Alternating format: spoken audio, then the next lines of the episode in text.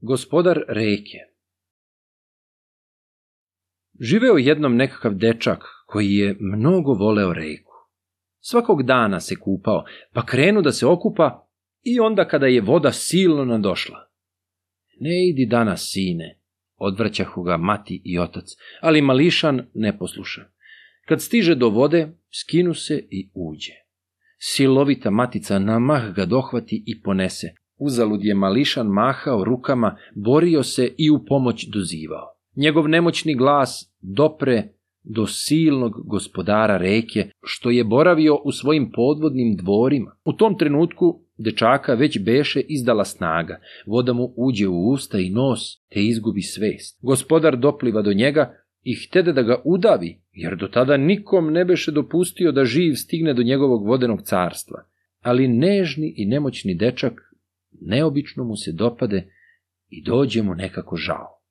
Usamljen beše gospodar u svojim zelenim dvorima, pa pomisli da će mu lepi dečačić doneti radost i razonodu. Zato otrgnu od nabujalih talasa mališana, obgrli ga očinski nežno i ponese u dvore. Nikada do tada živo ljudsko biće ne beše prešlo prag njegovog carstva. Gospodar spusti malog gosta u staklenu postelju na sredini staklene dvorane. Onda se udalji i sačeka da se mali probudi. Posle nekog vremena dečak otvori oči i stade premišljati gde se to našao. Pogled mu pade na stakleni stočić kraj postelje, pun prekrasnih kristalnih igračaka kakve još ni jedno dete nije imalo. Ruka mu sama pođe za onim bleskom pa se maši igračaka i zaigra se za kratko vreme. A onda mu izađe pred oči draga kućica i on zaplaka. Zašto plačeš, mali moj? Upita gospodar. Za kućom, odgovori mali. Gospodaru to dođe čudno i zapita. A da li je tvoja kuća lepša od ovih dvora? Lepša je, odgovori mališan, a suze mu linuše niz obraze. Gospodar vide da je sav taj blesak uzaludan, pa ode. Dečak je plakao i plakao sve dok nije zaspao. Onda mu njegov domaćin na prstima priđe, prenese ga tiho u lepšu dvoranu. Kada se dečačić probudi, nađe se u srebrnoj postelji. U sred sobe u kojoj sve beše od čistog srebra. Čak su i igračke na srebrnom stočiću kraj postelje bile od srebra. Dete ih uze zadivljeno i zaigra se za neko vreme, ali igračke ga podsjetiše na brata i sestricu, sa kojima je uvek igru delio, pa gorko zaplaka. Gospodar je sve to brižno posmatrao i za neke bogate zavese, Za kim sada plačeš, milo dete, upita brižno i priđe mu. Za sestricom i bratom, zajeca nesrećni gost. Gospodar uvide da ga sve to srebro neće utešiti, pa ga pusti da se isplače i zaspi. A onda ga premesti što je brižljivije mogao u treću odaju. Dečak docni otvori oči i opazi da je njegova postelja od suvoga zlata. I ne samo postelja, i stočić, i stolice, i igračke, sve beše zlatno. Mali je i ranije slušao o zlatnim riznicama i čudesnim dvorima, ali nikada nije mogao zamisliti toliki sjaj i lepotu. Sav očaran, on pažljivo odabra nekoliko zlatnih igračaka i predade se igri. No tada mu se učini da ga mati i otac od nekud iz daljine očima traže, pa zajeca bolnije nego ikada ranije. Zbog čega sada plačeš, dečače? Znaš li da si dobio ono što ni jedno dete nije imalo? Ja hoću svoju majku i oca, ridao je dečačić. Pa zar su ti oni miliji od čistog zlata? Jedva izusti gospodar. On nije znao ni za oca, ni za majku ili braću.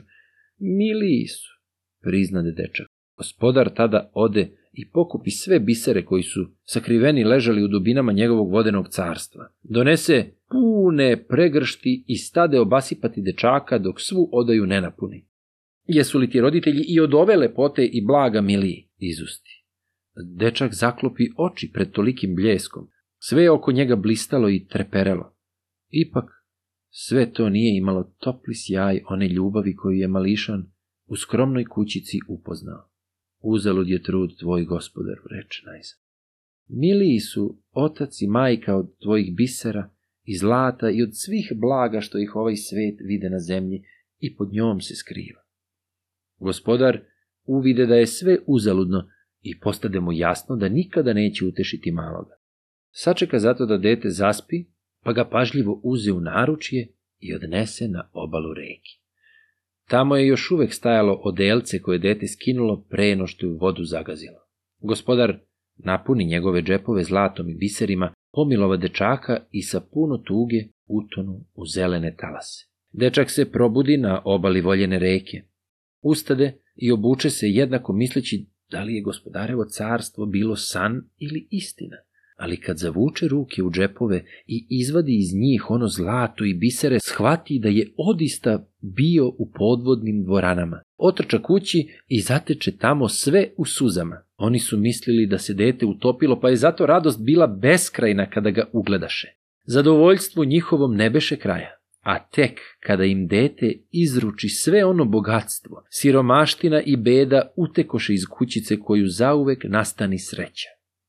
Gospodar reke oseti jače nego ikada sav teret samoće. Do tada on verovaše da je njegov dvorac najdragocenija riznica na čitavom svetu, a kada je izgubio dečaka, uvide da ljudi imaju nešto mnogo skuplje i draže od toga. Imaju braću i sestre i ljubav za koju on nije ranije znao. Onda se toliko rastuži da je tri dana i tri noći bez prestanka plakao. Od njegovih suza vode nabujaše silnije nego ikada pre. A gospodar ostavi svoje moćno carstvo i krenu u beli svet da traži blago koje su ljudi u sebi nosili.